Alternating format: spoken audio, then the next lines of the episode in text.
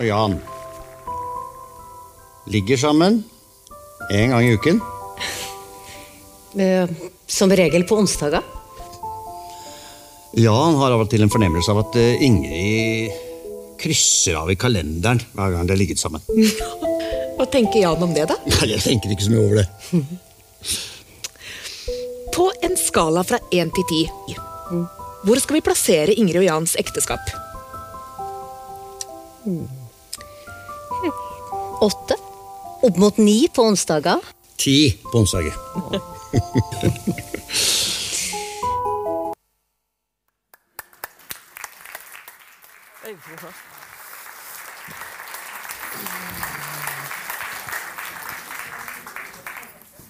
Hallo, hallo. Hei. Ja. Alle hører meg? Mitt navn er Hallgeir Opedal. Det jeg skal lede samtalen her mellom eh, tre hurtigsnakkende østlendinger. Og jeg vet at spesielt Nina er veldig lei sånne folk som snakker seint. Eller er veldig utålmodig. Når folk går på fortauet, så skal hun forbi. Og hvis noen snakker veldig seint, så blir du rastløs. Det er Personen i bøkene blir det. Ikke jeg.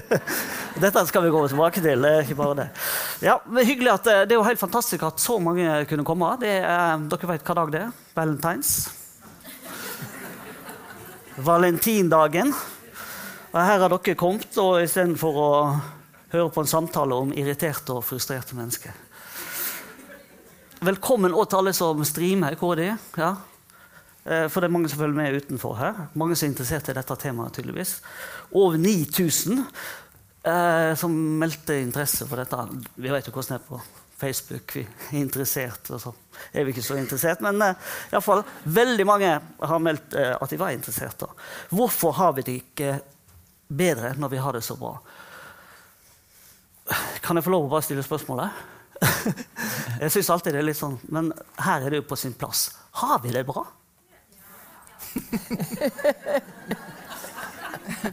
Ja, men Da avlyser vi kvelden, da. Det, altså, utgangspunktet er nei og atter nei. Det var en eh, roman som kom i 2016. 2016 om, eh, om kjernefamiliens kår. Fikk strålende kritikker. Tegnkast 5 i Beta, Adresseavisen, Dagbladet og veldig bra i utlandet òg. Eh, en lysende satire, treffsikker og morsom i Aftenbladet. Underholdende, morsomt og skarpt i Smålandsposten. Er der Emil i Lønneberg kommer fra. En lysende roman med mørk humor. Det er Spiegel. Og så fikk jeg eh, den ungdommens kritikerpris. Der du satt kanskje i juryen? Eller var du Nei, jeg var nominert, men Og det var sånn!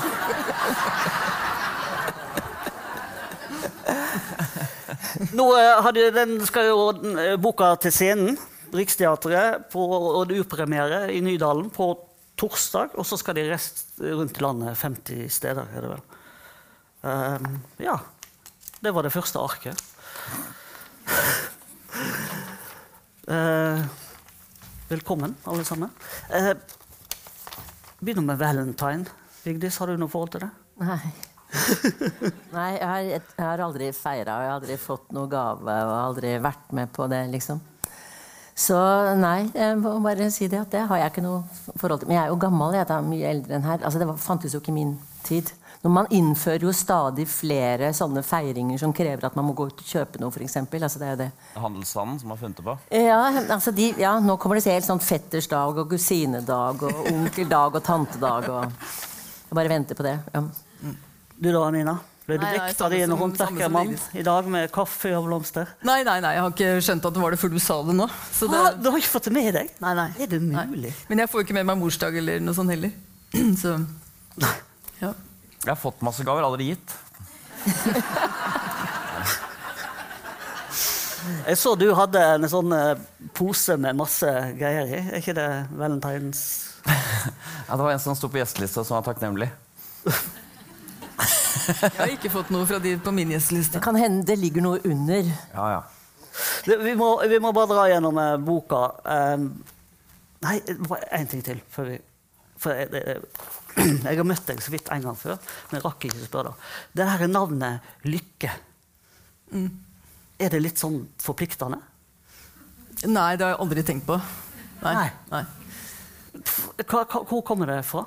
Det kommer fra Nylykken, som betyr løkke. Som altså Ah. en som har rydda seg en plass, og så kalte han det for Nylykken. Fordi eh, Løkke het Lykken en gang, i, eh, på søt, i 1710 eller noe sånt. Og så, og så forandret han det bare til Lykke for å være spesiell. Sånn som eh, er veldig vanlig i Norge, hvor det ikke er adel. Litt, ja. litt, litt skuffende, ja.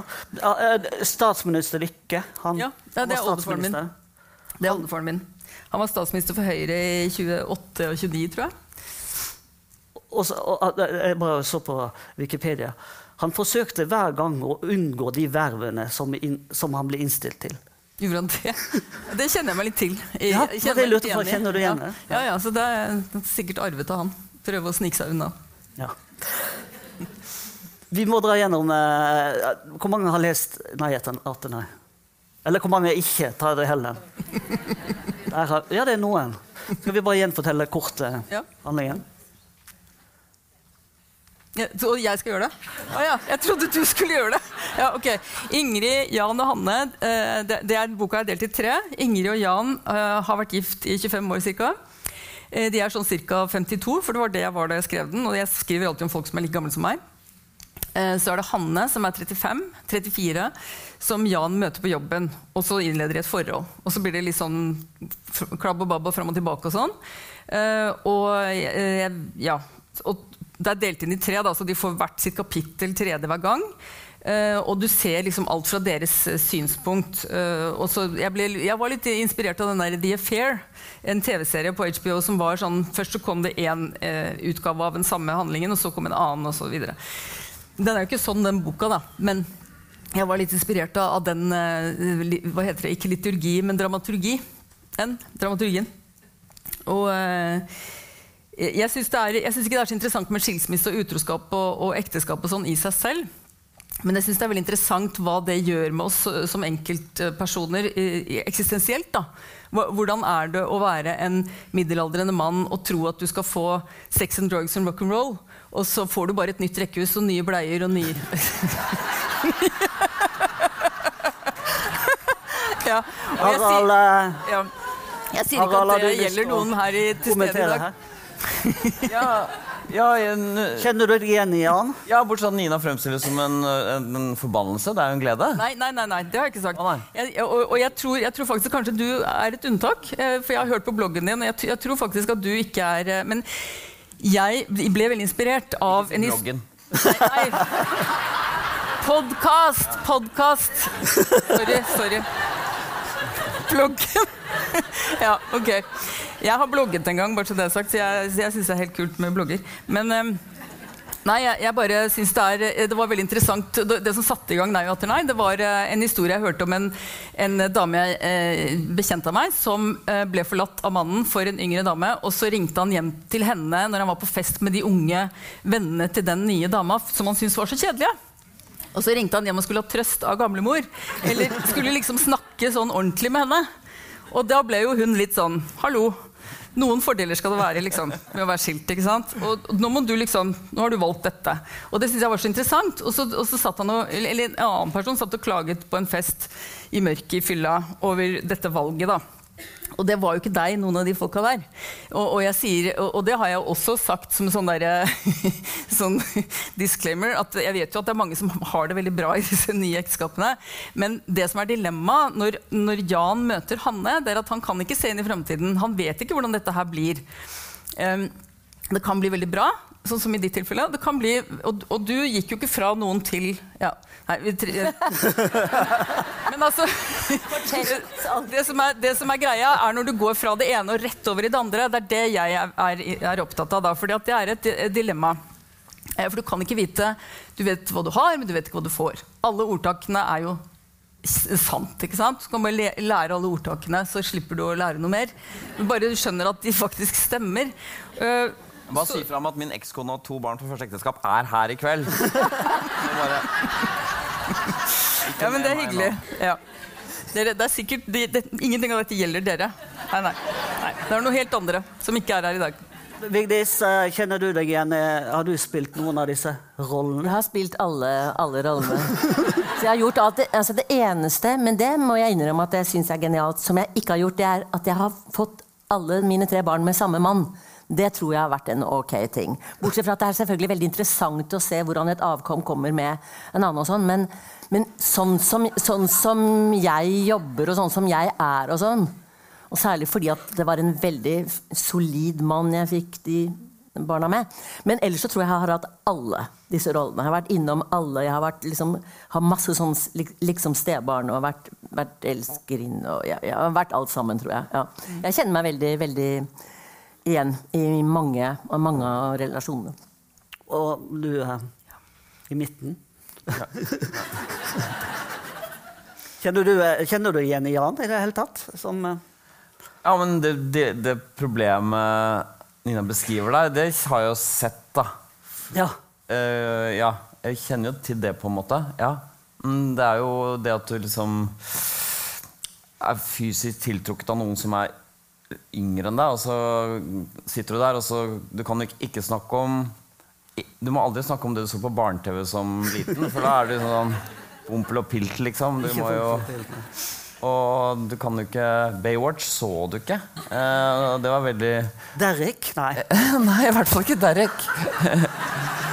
det er noe Så det, det vet jeg jo, den der lille rare ensomhetsfølelsen som kommer, som man på en måte ikke Ja, den har jeg hørt om. Jeg har ikke vært noe plaga av det selv. Faktisk ikke.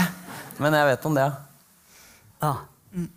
Men eh, det- eh, Ingrid gjør jo en ting da, som, som, eh, som blir forlatt, og så gjør hun en ting. Hun, hun, eh, jeg har lett etter det ordet når du liksom downsizer livet ditt. Når du kvitter deg med ting. Er ikke, er ikke det et uttrykk for det? Nei. Det er vel bare downsizing, tror jeg. Er det downsizing? Jeg vet ikke om det er utrenskning eller noe sånt på norsk. Altså Men Hæ? nedskalering. Nedskalering er jo et bra norsk ord. Vi bruker det. Hun nedskalerer livet sitt, gjør det veldig enkelt. Tilbake til the basics. Flytt inn i bilen. Ja. Nå, nå avslørte jo du hvem som var morderen, holdt jeg på å si. Eller hva som skjedde. Men det, det er jo en gammel bok, da, så det er jo greit. Eller en forholdsvis gammel bok. Ja. Ja. Men er er det din drøm? Ja, det er det. Eh, ja, ja, ja, det er det. Det har det vært lenge. Jeg var på turné i Møre og Romsdal for noen uker siden, og da kjørte jeg rundt i en bobil, faktisk. Og det var veldig gøy. Det var akkurat så gøy som jeg trodde det skulle være. Og det var til og med om vinteren, og det var storm og, og sludd og alt mulig. Så ja. Men det var ikke så gøy at du fortsatt bor igjen.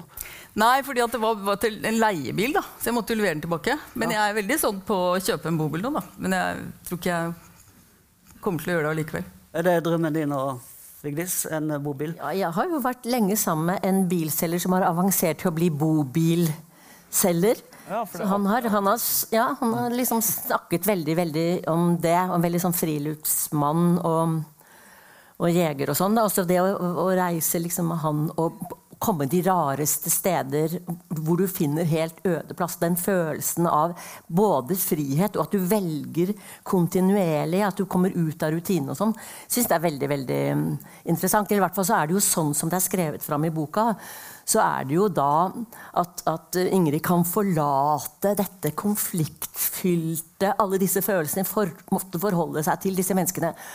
Og bare legge det bak seg og dra og ha nok til å greie seg. Altså Det er mange mange også økonomiske problemer som forsvinner. da. ja. Og den, det ønsket, altså det å være i tralten på en måte, og, og, og være egentlig bekymra litt hele tiden for alt du skal holde orden på. og sånn.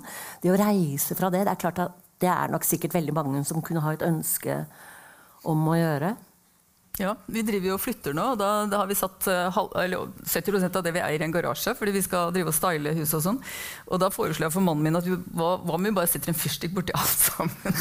ikke? Det, jeg vet jo at jeg skal ikke gjøre det, men den trangen der, da, den um, kan jeg kjenne på noen ganger. Uh, og den å ha hus på ryggen, dra av gårde. Men nå flyttet jo ikke Ingrid inn i en bobil, hun flyttet jo bare inn i karavellen sin. ikke sant? Ja, og det er jo egentlig mye mer sprøtt. Eh, Men hun flytter jo inn der fordi hun får sove der. Det er det, er det viktigste. Hun får sove, hun får jo ikke sove noe sted. Bortsett fra inni den bilen. Uh, og det er, det er derfor hun flytter inn i den. rett og slett. Så det har med søvn å gjøre. Og så er det det at hvorfor skal jeg oppføre meg når ingen andre gjør det? Sant? Det er også en sånn kjerne... Men det enkle livet Du Harald, du er jo tilbake i akebakken. Så Jeg skal være litt som hakkekyllingen. Nei, nei, nei, nei. nei. nei, nei by, by på det. Nei, unnskyld. Ja, men jeg skjønner ingenting av det der det, Jeg skjønner ikke hvorfor det er så strevsomt med å ha Bor ikke rekkehus, men ha et vanlig hus med vanlig husholdning og vanlige regninger og Jeg syns ikke det er noe strevsomt. Det, det er jo Jeg har ikke lyst på et sånt der liv hvor, eh, hvor du lurer systemet og har, har slått sammen bil og hus til et Eller slå Altså jeg, jeg har ikke Jeg har jo nettopp kjøpt meg enebolig, så jeg skal ikke si noe. Jeg er, jeg er veldig glad i husholdningen min, og sånn jeg også, og veldig glad i interiør og alt det der. Men det er liksom én side av saken. Det er jo veldig mye eh, eh, liksom maintenance, som det heter på norsk. altså, det er jo mye. Jeg tror, Kanskje det har noe med menn og kvinner å gjøre òg. At, eh, at jeg vet ikke hvordan dine koner eh, Eller din kone, unnskyld, har det. Ah, ja. Men det er jo veldig ofte sånn at ni, ni av ti kvinner Nei, ni av ti ekteskap, da er det sånn at kvinnene driver og holder på, ikke sant? Sånn er det. Det er, det, er kanskje, det er sikkert noen som sier at nei, sånn er det ikke hjemme hos meg. Nei, men det er den ene av ti som ikke har det sånn. ikke sant? Så da er det eh, ofte kvinner som har lyst til å dra av gårde. Og det er jo gjerne de som drar av gårde òg, da. ikke sant? Fordi eh, jeg har lest et eller annet sted at kvinner går fra noe, mens menn går til noe. ikke sant? At hvis menn går ut av et ekteskap, så er det gjerne fordi de skal et annet sted. Men hvis kvinner går ut, så er det fordi de bare vel, vil vekk fra det. da. Og det er kanskje fordi de, de holder på og, og styrer så mye med og er sosialsekretær og er liksom alt dette her med kjøper sånne små gaver til grandtanten til mannen. og sånn, ikke sant? Mens han sitter og sier 'Å, jeg har hun bursdag'. Ikke sant? Det, er, det er jo ofte sånn det er. Ja. Jeg sier ikke at det er galt eller riktig, og jeg sier ikke at alle har det sånn, men det er veldig mange som har det sånn. Og da tenker jeg at da er det, da, da er det ofte Så så jeg for meg da hun Ingrid, da, som har holdt på og oppført seg ordentlig i alle år. Og så, og så ja. Men, men det er jo no, noe med det at i, i romanen så er det jo framstilt sånn altså For det handler jo ikke om at, at folk flest, det å leve et vanlig liv i rekkehus, vanlig hus, barn, alt det der, er strevsomt i seg selv. Men i slik som det skri, skrives fram i denne romanen, så er det slitsomt. Altså hun, Mannen går til denne Hanne, barna altså, Det er slitsomt. Og at, at du da, når det er så klamt og så lite rom for henne til å leve seg ut, så er det forståelig at hun drar, gitt hennes situasjon. da.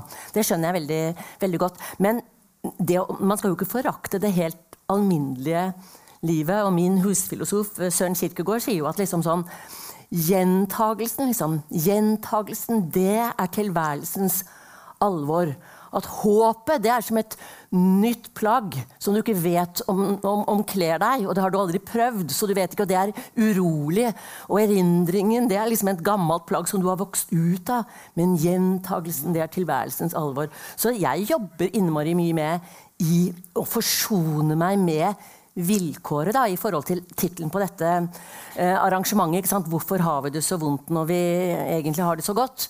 Noe sånt noe. Mens, mens, mens, mens er, jeg, jeg tenker at det er det å forsone seg med tilværelsen eh, på en måte Også de begrensningene er Og det er jo faktisk noe som har med ens egen vilje å gjøre, et ens eget perspektiv å gjøre. da. Og det er jo en, noe man kan ta tak i. på en måte. Så jeg er liksom enig med deg, men jeg er enig med Ingrid også.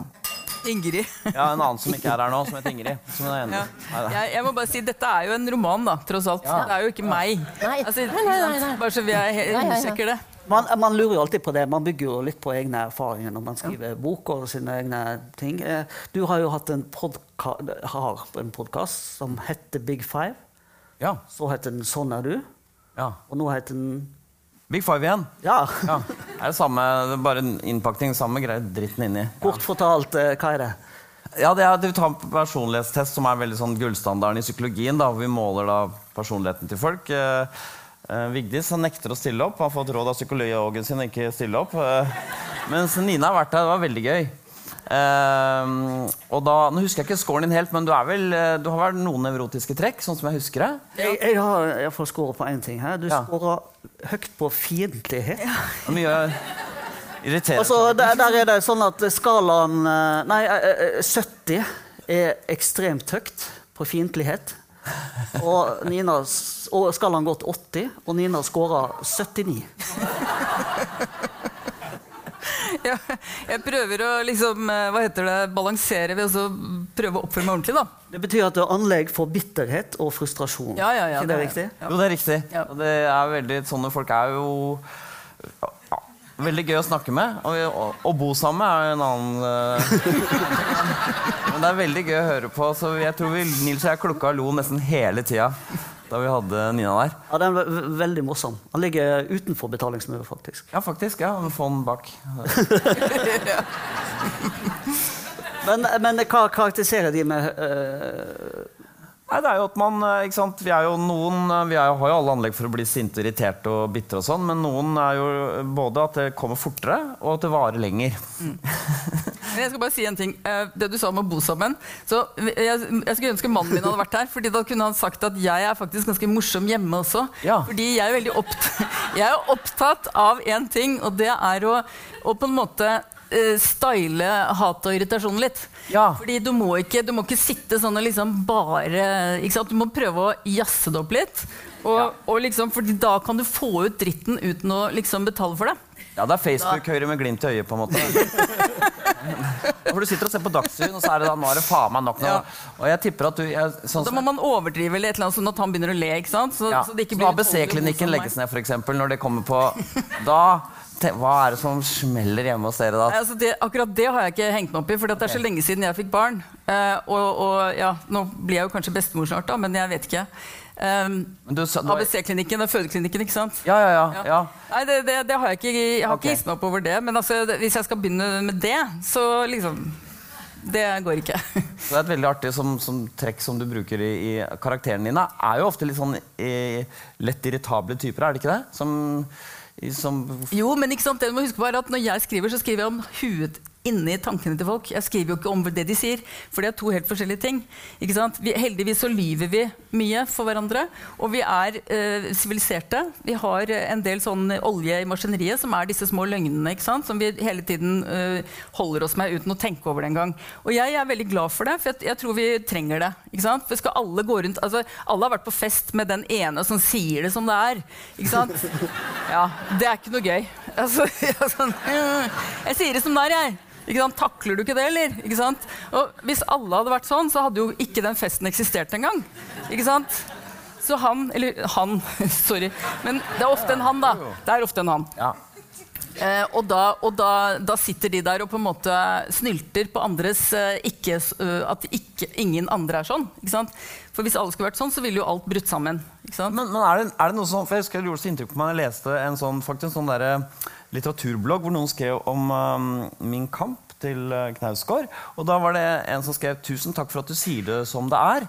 Og da slo det meg at plutselig nettopp fordi alle de der små løgnene vi forteller oss selv, gjør det faktisk vanskelig å egentlig si det helt sånn som det er. Altså, Kalle det en spade for en spade er mye vanskeligere. For Hvis det kom noen fra en annen planet og så sa jeg, hvorfor leser folk uh, virkelighetslitteratur, jo fordi det er så vanskelig vi, vi syns det er så fint at noen sier det sånn som det er, for det er veldig vanskelig for oss. Ja, men altså, nå vil jo jeg si at Knausgård nettopp ikke sa det ordentlig som det var. For hvis Neida. han hadde gjort det, så ville han jo antagelig mistet veldig mange venner. Ja, han mistet-. Ja, men, ja, men- ok, han har mistet, ja, ja. Men han, han lot jo folk lese gjennom. Altså, det, var, det, var, Ja, ja. sant? det er jo på en måte også min innvending mot virkelighetslitteratur. At du er helt nødt til å ta kanskje, kanskje mer hensyn enn du gjør i fiksjonen. Ja. Ikke sant? Har du Vigdis, anlegg for bitterhet og frustrasjon? Eh, nei, det, det, det har jeg faktisk ikke. Det tror jeg ikke. Nei, altså, altså frustrasjon og sånn. Men jeg tror jeg er veldig sånn aggresjonshemmet, egentlig. da. Eh, men, men når jeg skriver, kan jeg nok få ut, få ut litt. Men ellers er jeg et veldig lite aggressivt eh, menneske. Jeg tror jeg er veldig hemma der. Er du tenker at det er hemma bare fordi du har lite av det? Det er ikke sikkert kanskje du bare har litt Ja. Det kan, ja, det kan godt hende. Det, det, det veit jeg ikke. Men jeg er veldig, veldig, veldig lite sint. Ja, Ja, Da scorer du sikkert lavt. da, vet du. Ja, det er helt sikkert. Ja, ja. Men er du engstelig og sånn, da? Nei, ikke det heller. Nå lurer jeg deg utpå. vet du, Psykologen din sa at jeg ikke skulle Du, Jeg går ikke til psykolog, det er ikke noen psykolog som har sagt det, men jeg har hørt på de programmene, og jeg må innrømme at jeg syns at liksom det er sånn herre At alle dere har der, har sånn Altså, Du må høre på tallene, for ellers så alle er sånn Ja, du er jo både ganske mye glad, men så er du også av og til litt trist. Og så er du egentlig ganske Ja, du er jo litt sånn eh, energirik, men samtidig så liker du å slappe av også. Synes- Nei, nei, det, nei. Jo, jeg Men, så, så jeg syns at jeg liksom blir ikke mer kjent med, med, med, med de menneskene. Da må jeg følge med å skrive tallene opp og sånn. Det, sånn jeg har Ja. opplevd det sånn. Altså, ja. Ok, greit. da. Jeg tar det til etterretning, da. Ok, jeg lurer på Hva slags personlighetstrekk som gjør at du sier sånne ufyselige ting? om...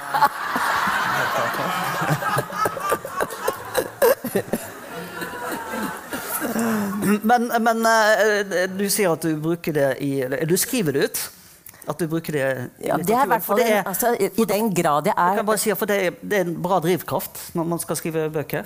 At man er litt irritert. Eller litt Ja, eller altså, altså på en måte sånn der å finne et sted, en roman, da, som alltid jo er fiksjon, også selv om man sier at dette er sant, så er en roman er en litterær konstruksjon. Selv om du heter Karl Ove Knausgard, så er det litterært konstruert. Og hvis han skulle skrive hele sitt liv, så er ikke seks bind nok. Og for øvrig så er begrepet, hele begrepet virkelighetslitteratur irriterer meg, fordi Dante i Divina Comeda, den liksom regnes som den første romanen, jo, beskriver jo sine fiender og plasserer de ulike steder i helvete. Strindberg som sa til sine fiender vi møtes i min nye roman. Og salige Ibsen, når han skriver et ukehjem, så bruker han sin kollega og venn Laura Keeler, som un underskrev falskt på en veksel uh, for å få et, penger til et turopphold for sin mann. Hele Kristiania satt og visste dette, dette her. Du irriterer deg fordi det ikke er noe nytt? Nei, jeg irriterer meg over at man dikt, man later som man ikke eller Folk kan ikke litteraturhistorien, så tror de det er noe nytt. Det som er det nye med Karl Ove Knausgard, det er gjennomslaget. Altså, I Den norske forfatterforening så er det 500-700 medlemmer. De skiller seg hele tiden. Helt regelmessig. Så kommer det etter en skilsmisse så kommer det en roman om en skilsmisse. Og da kan jo vi kolleger kjenne igjen en og annen sånn og sånn. Men disse romanene selger generelt 200 over disk. Det er ingen som bryr seg. Men at hele Norge satt og leste Karl Ove Knausgard, og at man kunne google seg til navnet på læreren hans og pressen kunne dra ned dit, det er det nye. Det er kvaliteten og utbredelsen uh, som gjorde ikke, Det han gjør, er ikke nytt. Men uh, han brukte sitt eget navn. Det var jo ganske nytt. Strindberg har jo brukt sitt eget navn, han. Kjenner ikke litteraturhistorie? Nei, er det. Vi skal se et, uh, et lite klipp fra forestillingen. Um, jeg tror vi bare kjører rett på. Jeg. Ingrids elev. Og Line har alltid med seg flaske, og den inneholder Brokkoli, grønnkål, blomkål, ingefær, sitron, agurk, spinat. Dette vet Ingrid, for det har Oline fortalt. Ingrid vet også at Oline ikke spiser Sukker, gluten, hvittmel, rødt kjøtt, melkeprodukter. og en masse annet. Ja, Det er tydeligvis ikke mat Oline vil snakke om nå. Nei. jeg fikk fem. Siste innlevering. Ja, ja, Line Hvorfor fikk jeg ikke seks? Du fikk fem. Hvorfor fikk jeg ikke fordi- seks? Ja, men jeg skjønner at du er skuffet. Nei, du skjønner ingenting! For jeg må ha seks, for jeg skal Ja, studere psykologi. hø- Jeg må ha seks! Line Du, kom på kontoret midt i ettermiddag. Ja. Så kan vi prate om det. Hvorfor sier du 'kom på kontoret', Ingrid? Du, du kommer jo ikke til å være der.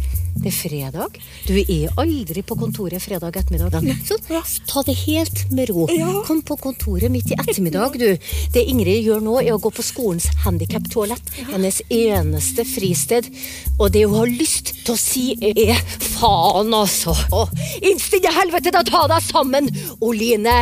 Eh, Spis vanlig mat, et av kjøttkake. Skjerp deg alle sammen! Skjerp dere! Bit tennene sammen! Det er sånn verden er. Man vasker seg sjøl, omgivelsene. Man ligger med mannen sin. Man oppfører seg pent, og så tørker man seg grundig og godt i ræva!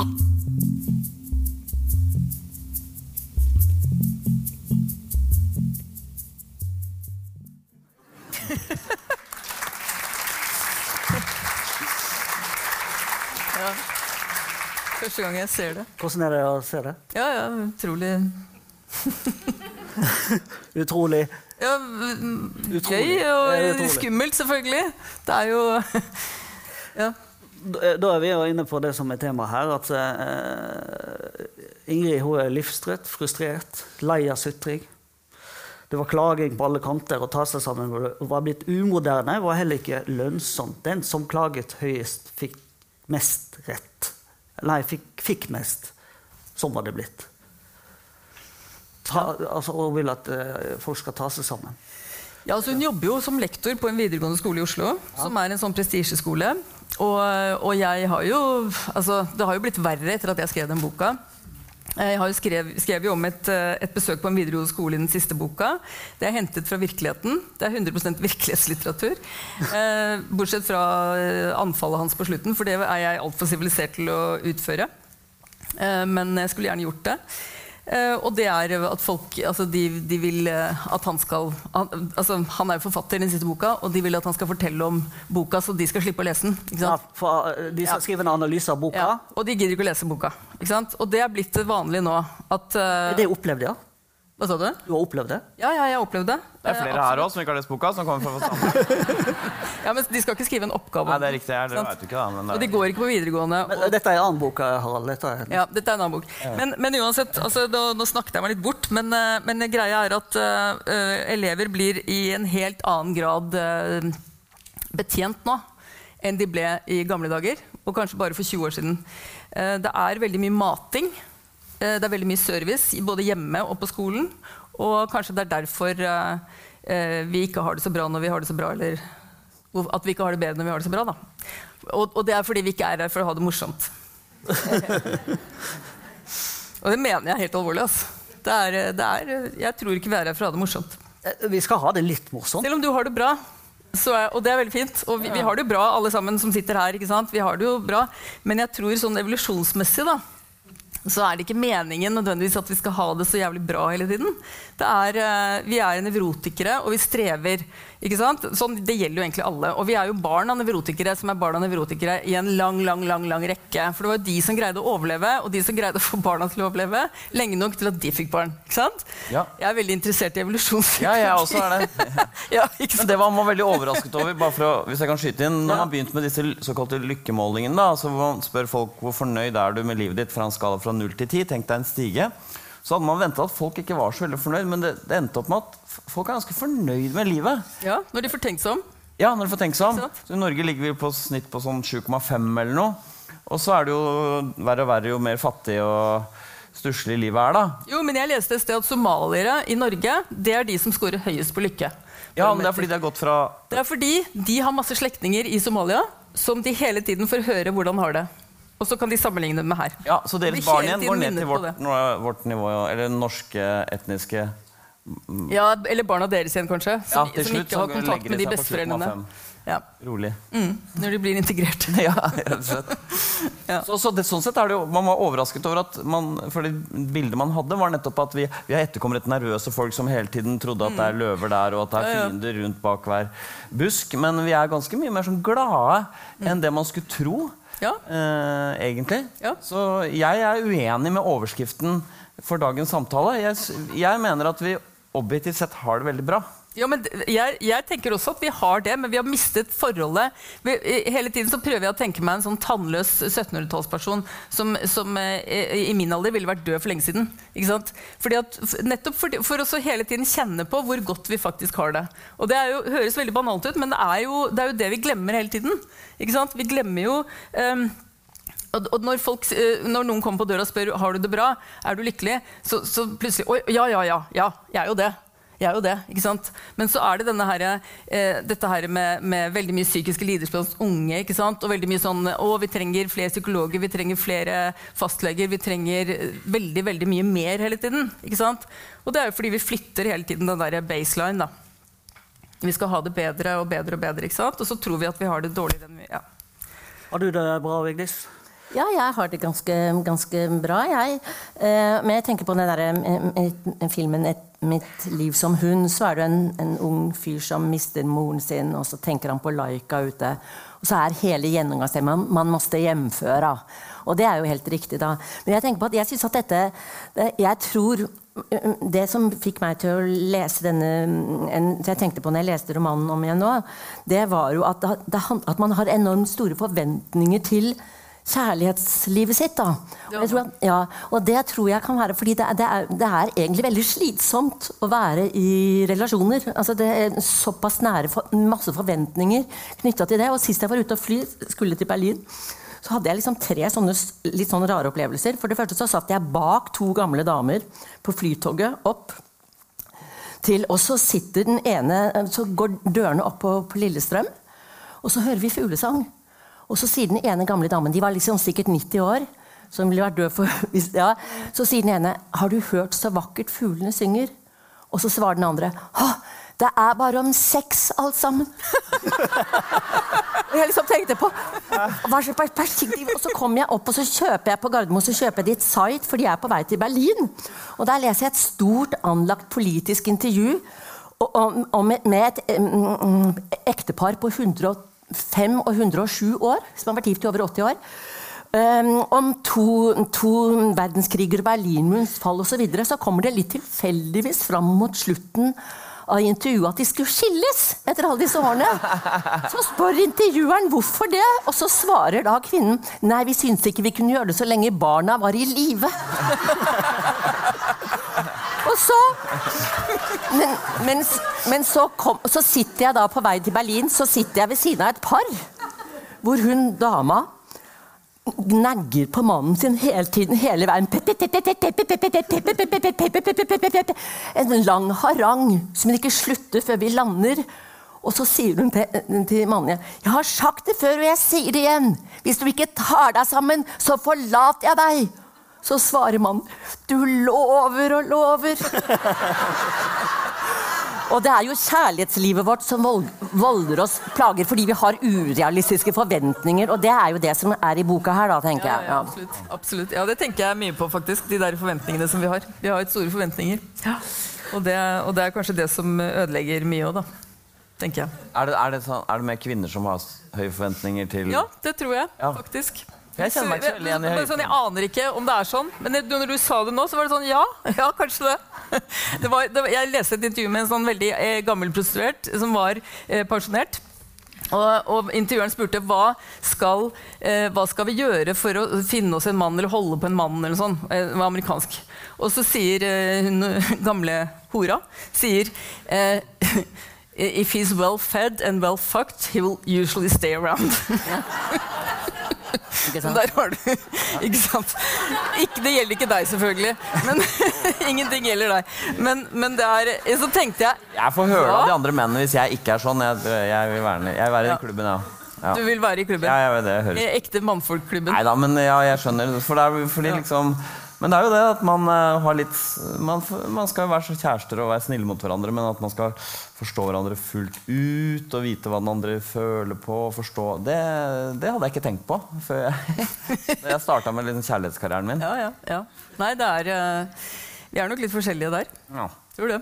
Grunnleggende, faktisk. Dette med å jamføre, som du sier Eller hjemføre, jamføre, ja. Eh, Det er jo det at vi eh, jamfører gjerne med de som har det enda bedre enn oss, istedenfor de som har det verre enn oss. Er ikke det et uh, utbredt problem eller utfordring? Jo, vi vi gjør det, men det er jo Uh, ja, Vi vil jo ha det bedre. Vi vil jo få det Ja, bedre. det som er veldig ille, er å få det litt verre. Sånn at nå når det strammes inn, ikke sant? vi kutter ned på helsetjenester og sånn, det er, ikke, det er ikke noe gøy. Selv om vi fortsatt har verdens beste velferdsstat, så føles det kjipt å få at det strammes inn. Så det er ille. Uh, og så er det Men det er klart, ingen blir noe godt fornøyd av å sammenligne seg med hvordan de har det i Burkina, Faso. Sånn funker ikke. Men vi sammenligner oss kanskje med hvordan vi hadde det for fem år siden, f.eks. Eller hvordan foreldrene våre har det. Uh, og hvis vi får det dårligere enn dem, så er det ille. Men at noen er veldig rike, f.eks., Ja. det går ikke så veldig mye utover uh, lykken vår. Nei. Men vi vil jo ha stadig mer. Mer. Ja. Men s- og, Vi vil og gjøre så det langt så har det funka bra. da. Vi har fått litt mer kjøpekraft sånn hele tida. Og bedre service og alt mulig. Men eh, hvis det stopper opp, så er det litt vondt, ja. Men noe av det som også tematiseres i denne boken, tror jeg er noe som gjelder alle som er litt uavhengige av, av um, det materielle. Og det er jo liksom sånn at det finnes Hvis hverdagen blir på en måte veldig i rutiner Og så er jeg frustrert både med elever og mm, i forhold til kjærlighetsforhold og sånn. Eh, Den, den følelsen at det er en form for bedøvelse. Da. At man må handle eller gjøre noe for, for å liksom få kontakt. Og dette er du jo innom i, i romanen her. At liksom det ekteparet hvor konen plutselig får kreft, og, og så liksom endrer det seg. Da slår han opp med elskerinnen, ektemannen slår opp med elskerinnen. Sånn. Og jeg tenker på et kjærlighetsdikt som Eva Kipley har skrevet, men som jeg tror gjelder helt generelt, ikke bare i, i kjærlighet. Da. Og der er det et menneske som banker og banker, banker på en dør. Og så blir den døren åpnet, og så sier den som banket på, 'Unnskyld at jeg forstyrrer'. Og så svarer en som har åpnet, 'Du ikke bare forstyrrer, du ryster hele min tilværelse. Velkommen'. Oi. Og dette det at vi ønsker oss på en måte rystelser, at alt skal vende, men forhåpentligvis noen som Og da tenker jeg ikke de rystelsene med den kreften og sånn, altså men, men at noe som på en måte plutselig så forandrer vi perspektiv på, på tingene. da. Det tror jeg at, at vi ønsker å komme ut av den bedøvelsen og se ting på, på nytt, liksom. Ja. Og det er en lengsel etter det. Ja, det tror jeg. ja. Det, altså Særlig perspektiv, det å få nytt perspektiv på tingene. Altså det, det er i hvert fall det jeg en, jobber veldig med. Da kan jeg bare ta et bitte lite sånn too food-dikt som jeg syns er innmari interessant, som, som går sånn. Eh, nabokonen til venstre for deg er en tyv. Hun stjeler fortsatt grønnsaker i kjøkkenhagen din. Hun er selvsagt fortsatt enke, barn vokser langsomt. Og som du vet, så har krigen gjort de fattige fattigere. Jeg syns ikke hun skal være så redd for deg når hun stjeler. Jeg syns det nye gjerdet ditt er altfor solid. Og den, det perspektivskiftet som det diktet Tu Fu 700 år før Kristus skriver, det liksom det, det gjelder, da, da jeg, Nå tenker jeg sånn Nå har jeg lært noe. Det skal jeg prøve. Jeg skal, jeg skal ikke ha så høy tære. Jeg skal forstå altså, Og de der perspektivskiftene der, det tror jeg folk ønsker seg. Og revet ut av, av bedøvelsen. Og det tror jeg litteraturen faktisk kan, er noe av det som litteraturen, særlig poesien, kan bidra med. da. Høy på åpenhet for erfaringer. Jeg Hører det med en gang. Elsker nye sånn perspektiver. Ja. Ja. Kan ikke du ta det programmet, da? Bli med på det programmet. Trenger ikke sende det. Ja, ja, ja, ja, ja, ja, ja. For å få perspektiver. Ja, ja, vi får se. Ja, du tenker det, tenker du at det ja, fordi Hvis du ser liksom på underholdningstilbudet på TV, eksempel, Jeg jobber i TV-bransjen og vet hvordan TV-kanalene tenker. Så er det ikke akkurat, Jeg har aldri hørt noen eh, at NRK sier vi har lyst på et program som gir folk nye perspektiver. og får dem til å tenke på det. Det er ikke, noe, det, så det er ikke, er ikke så etterspurt. Ikke for å ødelegge festen helt, men det er ikke så etterspurt som man skulle tro. Det, Ja, bedøvelsen er mer etterspurt, men det er fordi ja, men det er ikke bedøvelsen det er hyggelig. Ja, er, Det er det som er bedøvelse. Ja. ja, men Det blir en måte å beskrive det på som er litt rar. Er det ikke det? Jo, jo. Er det ikke slappe av? Er det å, er det å bedøve seg? Det er Det kan sånn, du si, det er en negativ beskrivelse av det, da. Ja, Men, eh, ja. men eh, ja, nei, jeg, jeg er veldig ute etter bedøvelse. ja, du, ja. Men verden Bedøvelse, er det virkelig sant? Altså Har du sånn, Ja, sånn smerte og ubehag? At du Roe liksom, ned, liksom. Ja, sånn, Ikke bedøvelse, sånn, eh, altså slå seg selv i hodet noe hardt, eller noe sånt, men bare, bare komme liksom ned. eh, Ja. Ikke sant? ja. Så du er her litt for å ha det moro, da? Ja, altså jeg tenker, jeg har det, jeg ler veldig mye. Jeg vil bare si det. Hver dag ler jeg masse. Og eh, jeg tenker at når vi gjør det, så har vi lurt evolusjonen. da. Ikke sant? Så har vi liksom 1-0 til oss hvis vi greier å ha det bra. Ikke sant? Så jeg syns jo egentlig jeg har det ganske bra i livet mitt. Det, men, men jeg kjenner jo på, som det heter nå, vi kjenner på ting. Ikke sant? Kjenner på en følelse av Men, men nå, nå, Ja, nå husk at evolusjonen Nå har jo flere verktøy. Det har pisk, altså skremme oss fra ting, holde oss unna ting. Det er, det er en nevrotisisme, alt, alt negative følelser. Men den har jo gulrot òg. Belønninger. Mm. At vi blir glade og begeistret og ivrige. Eh, det er jo noe som pusher oss til å gjøre ting. Så, så den, den gleden vi har, den, er- den, er, den har også evolusjonen gitt oss. Absolutt, og den gleden den er jo den drivkraften, ikke sant? Som, som, men også, som også kan bli en nevrose. da. Som, som handler om kanskje å, å, du, uh, altså, å, å aldri kunne slutte å jobbe, f.eks. Det er veldig mange som har det sånn, at de står og hogger hele skogen til pinneved i, i sommerferien. og sånn, ikke sant? Fordi de greier ikke å ha den der ferien, for det er, det er en jobb det også for dem. Å ha en ferie og gjøre det man gjør på ferie. For de har egentlig bare lyst til å være på jobben. ikke sant? Mange som har det sånn. Og, og, de, og den, den drivkraften framover hele tiden, den, den eh, søker jo også hindringer. Ikke sant? Den vil ha hindringer som du overkommer, og så kommer du opp på andre siden, og så er du ute etter en ny hindring. Sånn tror Jeg det er mange, jeg har det litt sånn. Sånn tror jeg det er mange som har det. Sånne prosjekter. ikke sant? Jeg syns jo egentlig det er veldig vondt å skrive, men jeg gjør det allikevel. Og så På et eller annet punkt så er det en glede, men det er en glede som er litt sånn svart. på en måte. Akkurat som det å ha barn. ikke sant? Det er også en sånn glede som er utrolig slitsom og, og full av veldig mye bekymringer. og fælt og sånn. Men det er en glede som er dypere. da, Som, er, som ikke er den derre den liksom Mening, liksom. Det Ja, det er dyp mening. ikke sant? Veldig sånn Det er, også, det er jo triks. ikke sant? Hvorfor, barn er ikke objektivt sett søte, men vi er jo manipulert av evolusjonen til å synes at de er søte for å orke Ja, ja. å gjøre den jobben. Det er en herlig rigg vi er blitt lurt inn i. Ja, ja, ja. Det er jo det. Det er jo uh, Men også da på mening blir jo folk spurt om syns du livet er men meningsfullt. Og der er det jo det var jo lenge at mange mente at til tross for at vi har det så bra da, Thomas Hylland Eriksen skrev annet det til tross for alt den pengene vi har, og så er folk så misfornøyde og syns at livet mangler retning og mening. Men nei, nordmenn og kvinner syns at livet er meningsfullt. da. Mer enn nesten noen andre i hele verden. Og det er jo nettopp fordi selv om vi er rike, og sånn, så er det hele tiden ting vi skal fikse og ordne opp i Ja, ja. på hytta overalt.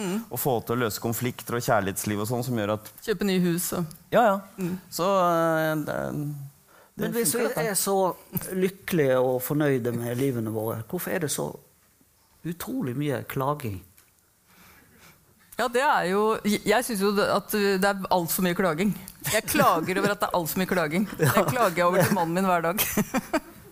Ja, sutring. Det er veldig mye sutring. Det er det. Ja, det er det. Det er det virkelig, altså. Men det er veldig interessant å høre på.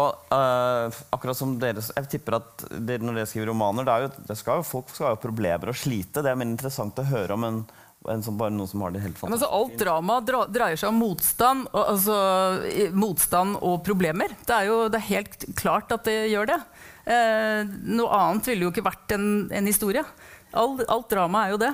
Men altså det å se formulert noe du har ant uklart i deg selv, det er jævlig berikende. Altså jeg kommer tilbake til det med at jeg synes, altså Fordi tross alt, selv om vi er glad og fornøyd og, og vi klager for mye og sånn, så er, lever vi helt spesielt farlige tider, liksom.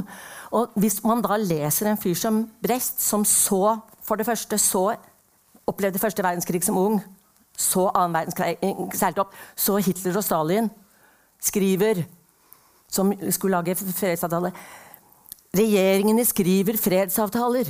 Lille mann, skriv testament. Som måtte forholde seg til Stalin når han kom tilbake, skrev jeg tenker på en annen russer, Den som blir Gud, blir dum. Som i et skuespill lar soldaten si til generalen skulle min kropp råtne for at din idé skal triumfere, er du full? Som lar generalen forklare seg jeg måtte utslette byen for å erobre den. Og jeg tenker på sånn, Når jeg leser det, så får jeg sånn Ja, det er, sånn er det, liksom. Og da, det kjennes som en liten hjelp at det er noen som har satt ord på det, og jeg føler meg mindre alene og mindre redd. Og det, sånn opplever jeg eh, litteraturen, liksom. Og da blir jeg ikke i godt humør, men jeg får blir ved bedre mot. da. Jeg blir ikke så liksom redd for, for framtiden. Så for, for meg så er det kjempeviktig. Og, jeg, og det er kjempeviktig med teater, det er kjempeviktig med romaner, fordi de nettopp kan Folk kan speile seg i dem og komme videre og skifte perspektiv på sitt eget. Det tror jeg, altså. Og podkast er viktig. Ja. Men det, det er jo tydeligvis mange som ikke leser romaner eller går på teater, som, eh, og som ikke har romaner å få ut frustrasjonen sin i, men bruker Facebook. Du er ikke der. Nei. Det er en verden der, skjønner du. Av sutring og dystopi. Hva, hva er de psykologiske mekanismene bak sutring? Harald? Hvorfor Det er jo, for, det første, for det første så er det, er det mer interessant å møte noen som er liksom, for jeg, Hvordan hva gjorde de i helga? Hadde kjempefine var familien på fjellet, hadde så gøy. og Det er, liksom, det er ikke noe historie, men det er mye morsommere å høre noen typ Nina Lykke som er rasende på hvordan folk oppførte seg i en lang kø eller hva nå. da. Uh, og det andre er jo at det har jo det har jo blitt litt sånn at uh, det er ansett for mer sofistikert å være kritisk til samfunnsutviklingen. Ja. Du er ansett som litt sånn naiv, kanskje litt høyrevridd. uh, Og, og, og grunn, liksom. Hvis du, ikke sant? Det er mye sånn næringslivsfolk som er sånn ho! Uh, syns livet er Og det er veldig sånn usmart, da. Så eh, jeg tror uh, å være vrien og negativ, det er jo Det har nok høyere rang også.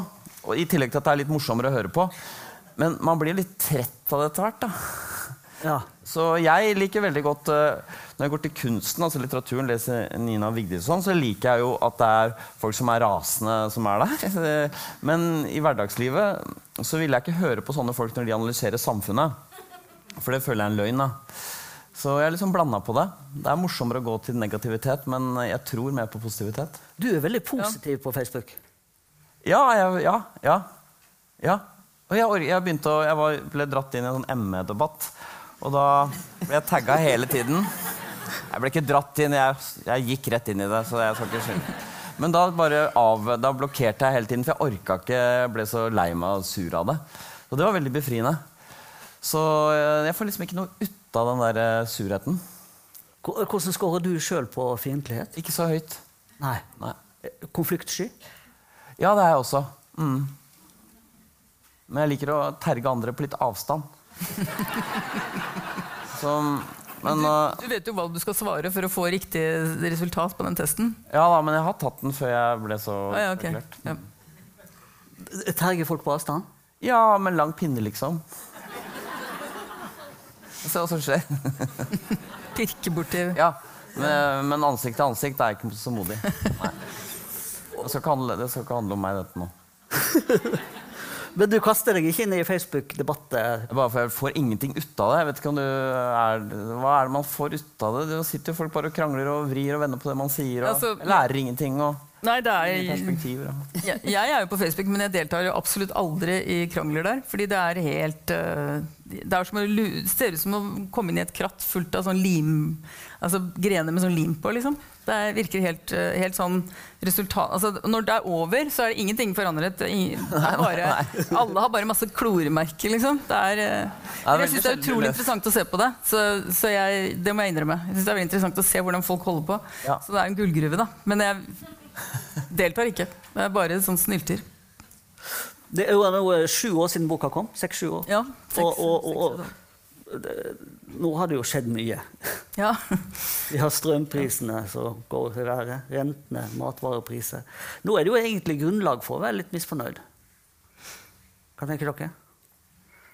Altså, vi sitter jo her, og alle har klær og, og mat og strøm, tross alt. Og strømprisene Matprisene er jo veldig billige i forhold til f.eks. Hellas. Jeg kjenner noen som nettopp var i Hellas, og de sier at altså, der er det ekstremt relativt mye dyrere mat, f.eks. Vi har det jo fortsatt veldig bra i Norge, da. Jo, og vi får hjelp med den strømprisen, får vi ikke det? Jeg følger ikke med på strømpriser. For jeg får sånn, jeg, akkurat som golf og fotball, så går sånn gardin ned med en gang det står strømpriser. Fordi det virker som det er sånn, De krangler så mye om det at uh, du kan ikke høre på statsministeren engang. For til og med han sier jo noe som den sier er feil. ikke sant? Så, så jeg holder meg helt unna det. Men uh, det er jo ingen som ligger på gata altså, vi, vi sitter jo, Det er jo ingen som har måttet, måttet gå fra hus og sånne ting. Og noen er det vel. Er det det? Ja, de har veldig store hus, da. Det, Ja. men jeg tenker at det er, det er jo jeg, Nå høres det ut som jeg liksom alt går, nå går alt så meget bedre hele tida, men det er, ting, det er jo noen piler som peker feil vei. Det er det jo. F.eks. det du nevner med sånn ungdom som, så, Den kurven med andel for unge jenter som sier at de har psykiske plager, har jo gått veldig opp. da. Uh, og nå er det noen som mener at det kan være en sånn målefeil at folk stempler det å ha, det, ha kjærlighetssorg som psykisk plage. Eh, jeg vet at eh, jeg snakka med noen som er lærer på Teaterhøgskolen. Og de oppdaget plutselig at, for de spør ofte har du hatt psykiske plager. Så begynte, var det noen som sa ja, og så sa ja, da burde du kanskje ikke gå her, for her skal vi granske sjela vår. Men etter hvert oppdaget alle sa jo det. Alle har psykiske plager, så det måtte de bare se bort fra.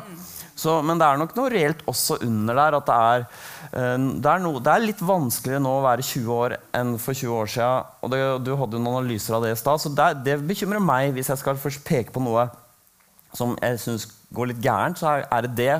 Men ikke så mye matvarepriser, og det er jo mer en sånn økonomisk, teknisk ting som vil bli løst i løpet av et par år. da. Ja, jeg. men jeg lurer på liksom, om disse 20-åringene har det sånn fordi at de har det for godt hjemme? At foreldrene gjør for mye for dem? Altså jeg, jeg tror det. Jeg tror at vi har en sånn kjærlighetsforhold til barna våre nå, helt uten sidestykke i historien. I hvert fall kjent historie. Og det, og det, og det reagerer jeg på. For det er noe sånn angst jeg, jeg får litt sånn angst av det. fordi de barna, Hvordan ser de på voksenlivet? De ser voksne som er slaver for barna sine. Har du lyst til å vokse opp til å bli sånn? Ikke sant? Så jeg, tror mye, jeg, tror det er noe der, altså, faktisk. Og det er helt uvitenskapelig. Det er bare noe jeg har tenkt på. Men jeg tenker at de ser sånne voksne som liksom Jo, jeg elsker deg, elsker deg, elsker deg. Elsker deg, ikke sant? Elsker du meg? Liker du meg? Liker du meg? liker du meg? Se, å, jeg spiller se, jævla TV-spill. 50-årige menn sitter og spiller TV-spill. Det er helt sånn eh, da, da må jo barna tenke jeg er i den gylne tiden. Alt annet blir bare verre. Ikke sant? Der sitter et sånt gammelt menneske og tror at han er, eller hun er ung. Men det er det bare jeg som er. Ikke sant? Dette er den gylne tiden, og jeg har det ikke egentlig så veldig bra. Hadde det ikke vært bedre om du liksom, de voksne på en måte eh, hadde litt skille mellom dette her og sa at det får du ikke lov til, det får du ikke lov til, det får du ikke lov til, bortsett fra når du blir voksen. Da får du lov til det. Ikke sant? Istedenfor så er det liksom Ja. Eller da er en, en kjærlighetsforhold som jeg syns er litt sånn, og det ser jeg mye av på Facebook også. Eh, dyrking av disse barna. Og jeg tror at det, det ligger bak. Det er, liksom, det er en spådom som de kom, kanskje kommer til å finne ut av. Vitenskaps, altså Sånne som deg, sosiologer. Ja, jeg er blant dem som skal finne ut av det. Ja, ja. Sånn, det er jo du som finner ut av sånne ja, ja, nei, ting. Sånne, som deg. Ja. Men, fleste, men, hovedmønsteret er fortsatt at liksom 70% eller noe det, av unge folk har det veldig bra. Da. Det er hovedtendensen. Er det det? Er det sant? Ja, så er det sånn 30 eller noe sånt som sier at de ikke har det så fint.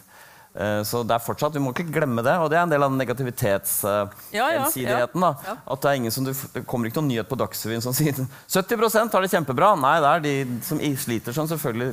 Det er det som er nyhet. Jeg synes jeg sitter veldig mye nå og, og, sammen med venner og sånn, hvor deres voksne eller relativt voksne barn sånn 20, rundt 20 har det, de liksom sliter. Enten de skal skifte kjønn, eller de er deprimerte, eller de skader seg selv, eller de har spiseforstyrrelser, eller, eller, ah, eller, de vil ikke leve, eller, eller, de går på Nav når de er 25, fra, fra de er 20 til 25, og så ligger de i kjelleren og jeg syns det er mye av det der. altså. Synes, kanskje det, er, det, sier mye om min vennekrets, men jeg, jeg kom jeg plutselig på kanskje, kanskje det bare er meg. Og, nei, nei. Ja.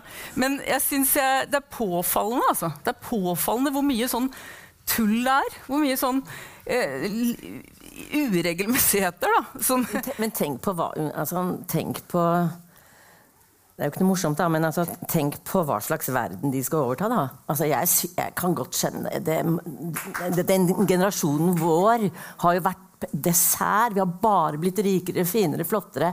Vi har forbrukt, vi har holdt på. Og så det, skal de deale med dritten vår. Men det, akkurat det hørte jeg da jeg var ung også. Akkurat det hørte jeg også. Fy faen, vi har ødelagt verden ja. med atomvåpen og alt mulig sånt. Og 30-tallet. Hva med 30-tallet? Jeg, tenker, jeg tenker ikke så mye på Jeg tenker på, jeg tenker, nei, jeg tenker på klima, klimakrise, liksom. Altså, Nei, jeg, eh, altså, nei, men Det har vært selvfølgelig masse elendighet. Men, men, men, vi har ikke, i vår generasjon, den generasjonen som jeg tilhører, vi har ikke måttet deale med vel, ja, første verdenskrig, annen verdenskrig. Den generasjonen min, født i 59 det har bare vært fløte i forhold til svære ting. Men den verden som da mm, mm, altså Jeg har voksenbarn og barnebarn, og alt med sånt, men altså, er jo, de tør jo ikke få unger. altså De begynner å se hvor det er bomberom. Det tenker sånn jeg aldri man, på da jeg var liten. Sånn kunne man sagt i alle år. Det der, akkurat det der kunne man sagt man, masse før også. Hva med første verdenskrig, når hele landsbyer, eh, alle mennene var borte?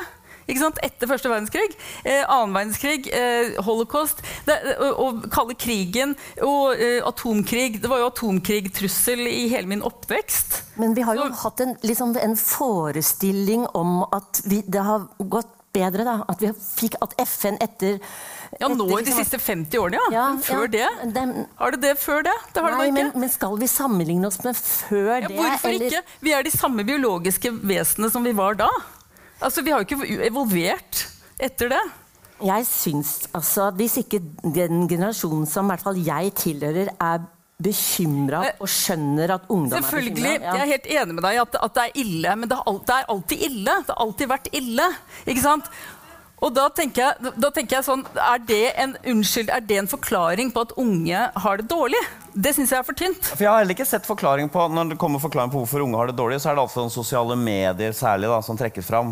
Men at sånn klimaproblemer og sånn, det, jeg har ikke sett det som Jeg har, noe jeg, har krigsfare. ikke, jeg har ikke forska på dette. Og jeg, jeg ikke er på Facebook og alt mulig sånt. Ja, jeg men, men, når jeg, te- når- men bare rett og slett på en måte forholder meg til nyheter, så tenker jeg fy fader, jeg er glad at ikke jeg er 20 år. Dag. Jo, men det er, det er jo, På NRK har de et eller annet sånn med 'se hvor bra det går'. og det er, altså, Den der, den der ytterste fattigdommen, eller hva det heter for noe, det er et ord for det. Den der Ekstrem fattigdom, ekstrem fattigdom har ø, ø, ø, minsket veldig. Mange flere som er alfabeter, altså som kan lese. Eh, videre. Spedbarnsdødelighet. Alt det der er på verdensbasis utrolig mye bedre nå enn det var for 70 år siden. Så det er veldig mye grunn til optimisme også. Men fordi vi har den der negative biasen, som det heter på norsk, den der hele tiden vi, vi klikker på det som er negativt. Hvis, hvis jeg er ute med en venninne og drikker øl og sier sånn «Uhu, det går så fint, så akkurat som det er jo ikke noe gøy, det. Hvis jeg sier sånn Å, vet du hva, nå har jeg så ekteskapsproblemer, har ikke hatt sex på tre år, så står jo ørene opp sånn. Å, å, å, å, å. Sånn er det jo. Ja, altså jeg tenker sånn, hvis jeg, et, øh, hvis jeg hadde vært et veldig veldig empatisk menneske, noe jeg egentlig ikke er, da, så hadde jeg sovet mye bedre nå enn da for liksom 30 år siden, hvor det var mye mer sult og fattigdom i verden enn det er i dag. Ja, men jeg, jeg, jeg, deler, jeg deler ikke den opp, optimismen eh, fremover nå. Nei, altså, det gjør jeg ikke. Jeg, jeg er ikke optimistisk fremover Nei. nå. Det, er ikke, det- vil jeg understreke. Men, men jeg vil bare si at det er ikke noe verre nå enn det Altså Jeg mener at totaliteten Utsiktene, utsiktene er verre nå. Ja, Jeg, jeg har sett sånn, Nå bombarderer jeg med statistikk, og sånn, det er alltid kjedelig når folk trekker fram det. Men det som jeg har sett sånn, eh, man har spurt folk i alle år ikke sant? hvor fornøyd er du med samfunnsutviklingen. og det er liksom sånn, De aller fleste nok er kjempefornøyd med det. Og så blir du spurt men hvordan ser du på hvordan det kommer til å gå fremover. Da har alltid flertallet vært pessimister. Nå har vi nådd peak. Og sånn har det vært siden man begynte å måle på 80-tallet. Vi har nådd peak, det er, nå er det slutt. Og jeg har sett sånne programmer fra NRK på 90-tallet hvor folk sitter og sier akkurat det. Nå er det slutt. Nå har vi fått det fantastisk. Herfra går det utforbakke, liksom. Så den følelsen du har der, den tenker jeg liksom Kanskje har man, har du, til slutt får man jo rett, liksom. Til slutt går det til helvete. Men, men det, jeg blir, det jeg blir litt redd for, da, altså når vi snakker på den måten, så på en måte så har jo jeg lyst til å gi dere rett. Eh, Og på en måte skulle ønske at det var sånn. Men jeg tenker at, at det er litt farlig hvis vi hviler på det. For det er inviterer Hviler gjør vi ikke. Det er folk som jobber non stop med å få ting til å gå bra. Verdens helseorganisasjon og Nav og alle er jo går på konferanser og kurs for å få hvordan kan få dette til å funke enda bedre. Det er jo non stop jobbing. Det er ikke sånn at vi ligger og Eller jeg, jeg gjør ingenting, men det er noen andre. Føler du ikke det? At det er masse folk som jobber med dette her hele tida? Jo, nei, jo, men jeg tenker, de, jeg tenker på en måte For å si det på en litt altså at eh, den, den makta da altså, Brecht igjen, en som snakker om de som ikke vil framskritt, men forsprang. Og det er veldig veldig mange mennesker i samfunnet vårt som ikke vil framskritt, men forsprang. Altså det, vi har utvikla et system hvor, hvor folk gjerne vil det. Alle, de som flytter til Sveits, de vil forsprang. De vil Ja, ikke ja. framskritt. Altså dette med At vi er avhengig av vekst, for eksempel, det er jeg enig i er feil. Det, det er jo, for det er jo hele tiden Du kommer aldri Vi er avhengig av å få flere barn, avhengig av vekst. Det er liksom to på en måte deler av samme sak. ikke sant? Og det er jo litt rart at vi er det. Når vi er 7 milliarder mennesker på jorda, så driver de og maser om at de skal få flere barn. For eksempel. det er litt rart hvis du ser liksom stort på det. Og, og dette med at vi hele tiden skal vokse og vokse, og skal, det skal bli bedre og, og, altså At vi er avhengig av vekst. Det er noe feil der. Jeg føler også at det er noe feil der. Jeg er helt enig i det. Men jeg, bare, jeg reagerer litt på det der Jeg har vokst opp med kalde krigen. Jeg synes det var veldig deilig når de sluttet å snakke om atomvåpen. Og så begynner de å snakke om det igjen da, for et par år siden, eller, eller nei, for et år siden cirka nå. Og da tenker jeg å ja, ja, det var sånn det var, ja. Ikke sant? Déjà vu for deg, liksom. Ja, det var déjà vu. Det var som å være ung igjen liksom, Ja, på 80-tallet. ikke sant? Sånn, ja, på tirsdag går verden under. drev folk og snakket om på 80-tallet. Sånn, For da trykker Reagan på den røde knappen. ikke sant? For han begynte å bli dement. eller noe sånt. Og det, det, var jo veldig, det var jo veldig skummelt. Så, så, så jeg er blitt litt immun jeg nå på, på sånn snakk. Selv om jeg selvfølgelig eh, er opptatt av miljøet og opptatt av, av alt som mulig. Jeg også. Jeg er jo ikke helt sånn fatalist og, og nihilist og sånn i det hele tatt. men men jeg bare må se litt bak dette her òg. For det, det, det kan bli en sånn eh, vanetenkning også. At liksom, ja, de unge, ja, det, er- det er ikke noe rart. Og vi, hva slags verden er det vi gir dem? og sånt, Men hva slags verden har unge noen gang fått? liksom, tenker jeg. Man måtte hjemføre. Det, vi må, er du villig til å inngå et veddemål? Altså, vi måste, jeg skal bare ta et kjapt veddemål, for det er alltid lakmustesten på om folk virkelig tror på ting. Hvis vi om ti år møtes igjen for å se hvordan samfunnsutviklingen har gått, og så kom, blir vi enige om en eller annen standard for om det har gått opp, tilbake eller frem, da. hvor mye er du villig til å vedde for at det har eh, dårlig, blitt dårligere?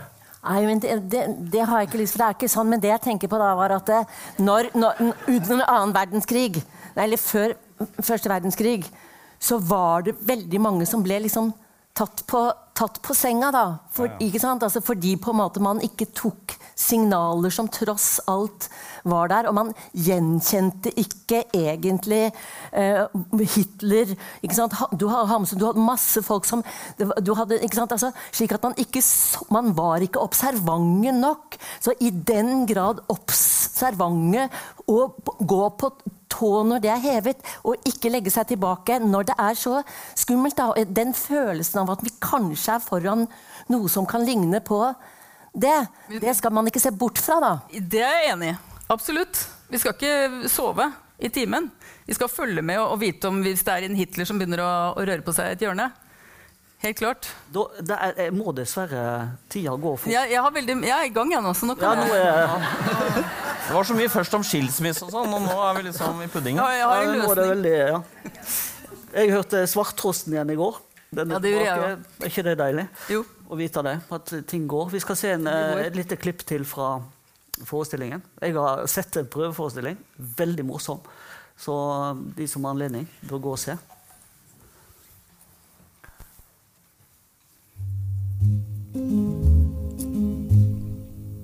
Man kjenner elementene når man bor i bil. Det er litt som å bo i telt. Jeg leser, og trener og går tur og sover hele natta. Verken do eller renne vann. Men jeg har aldri hatt det så bra som nå. Kan du forstå det?